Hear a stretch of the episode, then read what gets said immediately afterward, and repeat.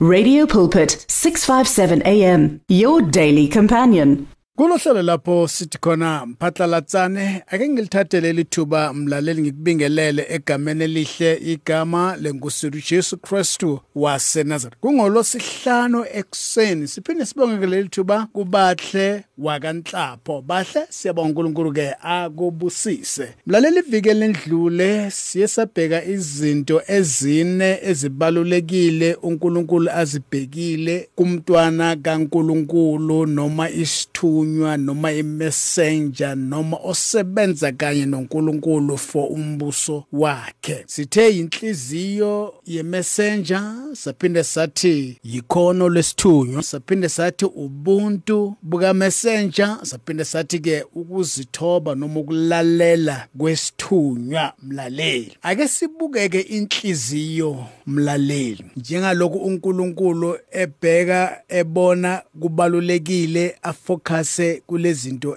ezine mlaleli. Ake sifunde ke kwabaseroma chapter 3 bese ke ke sifunda lapha ku verse 23 siza ukuthi iBhayibheli lona lithini mlaleli? Amazwi ke akhulunywa umpostoli Paul. Siyamazi kakhulu umpostoli Paul ukuthi wayengumuntu onjane. Igama lakhe laza laguqulwa. uNkulunkulu wayesithi ke unguPaul akasesiyena uSaul. Ake sizwe ukuthi yena ke uyibeka kanjani le ndaba mlaleli ku chapter 3 verse 23 kwabaseRoma. Yona ke ifundeka kanje nawe uma usuyitholile lapho ekhaya. Ngokuba bonke bonile basilalelwe inkazimulo kaNkuluNkulu. Usuyabona mlaleli nanoma ungathi wena awonanga nanoma ngathi sonke sonile kepha umpostoli Paul uyibeka ngalendlela uthi ke bonke abantu bonile basilalelwe inkazimulo kaNkuluNkulu. Nanoma ungalunga kwemvelo mlaleli abazali bakho bakhonza uNkulunkulu bayakhuleka ukwamukela awusabona isidingo sokuthi wamukela uJesu noma ulungisa indaba yakho noNkulunkulu. Kepha ke la umpostoli Paul uthi ke bonke bonile basilalelwe yinkazimulo kaNkulunkulu. Abanye mlaleli baphenduka babe yizinciko zikaNkuluNkulu kepha uma ubheka umlando ukuthi bayazana nenkosi uJesu na bona kube kube nje khulele enkonzweni bazali bami basindisiwe thanda ukuba umfundisi. Kepha engayilungisanga indaba yakhe noNkulunkulu. Kungako kule insuku esiphila kuzona umlaleli sitebana nenkinga eziningi zohlobo olunjalo lwabantu. Abanye ke mlaleli ke baze bandluliselele kwabanye ke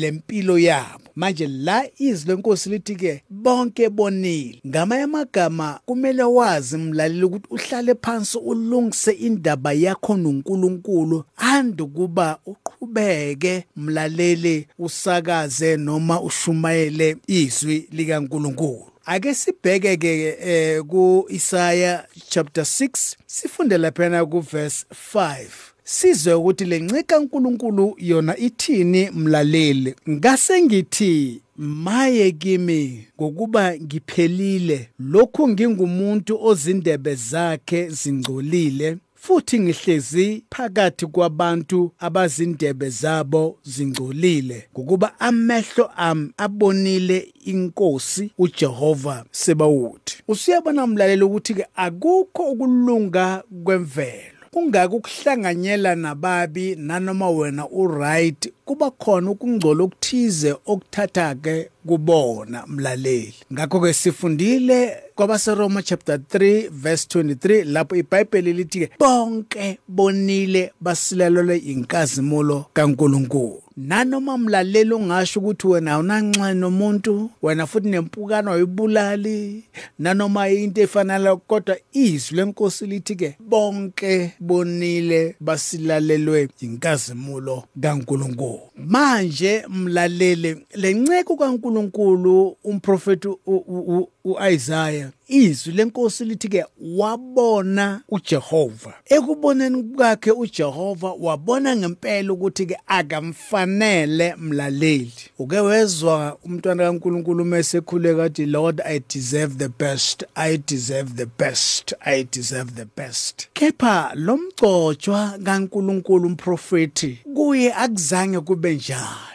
Akazange athi maqedwe masaqeda ukubona uJehova wayesithi i deserve the best. Kepha ke la izwi lenkosi lithi ke uthe uma qeda ukubona uJehova mlaleli izwi lenkosi lithi ke wazibuka ke yena wayesethi maye kimi ngokuba ngiphelile lokho ngingumuntu ozindebe zakhe zingcolile futhi ngihlezi phakathi kwabantu abazindebe zabo zingcolile. Ngokuba amehlo ami enze njani abonile inkosi uJehova sebawuthi kungako izwi likaNkuluNkulu likhuluma lokhu mlaleli lithi okuphuma eindebeni zomlomo yikona okumngcolisayo umuntu. Ngamagama kusuka ekujuleni kwenhliziyo. Yona lenhliziyo uNkulunkulu ayibhekile njengabantwana bakhe.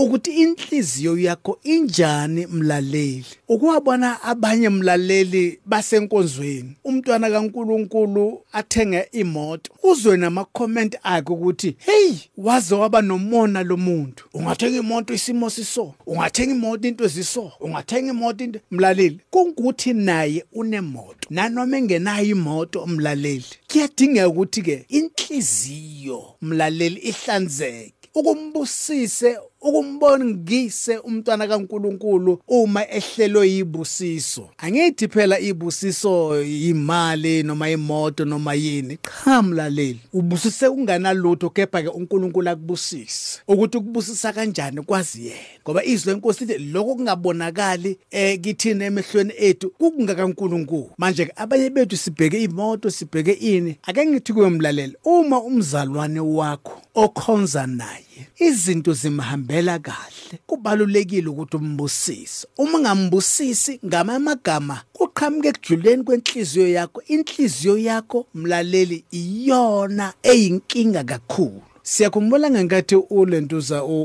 ingceku zaNkulunkulu ulentuza uPetro if i'm not mistaken elithi izwi lenkosi wabizwa endaweni ethizwe wafika wakhuleka abantu kwenzeke imangaliso. Kwaba khona lesanuse savela sathi nayi imali saphonsela imali sathi nayi imali ngifuna lesipho lesi onaso. Lo mgcotsha kaNkulunkulu wathi inhliziyo yakho yimbi inhliziyo yakho ayinhle inhliziyo yakho uqabanga ukuthi lesipho sikaNkuluNkulu sokuthengwa manje emabandleni ethu uma singanakekela inhliziyo zethu sibheke inhliziyo zethu. Uyabona la ngempela mlaleli abanye asifiselane izinto ezinhle. Umsebenzi kaNkuluNkulu uyakhula enye inceke kumele ibongise enye inceke angazokhuluma amazwi ayiziswana mlaleli izinto abayizibambela mbongiso umuntu. Ngamamagama uma ungambongisi uma ushintsha unyukubala kushintsha netone uvela ubona ukuthi hey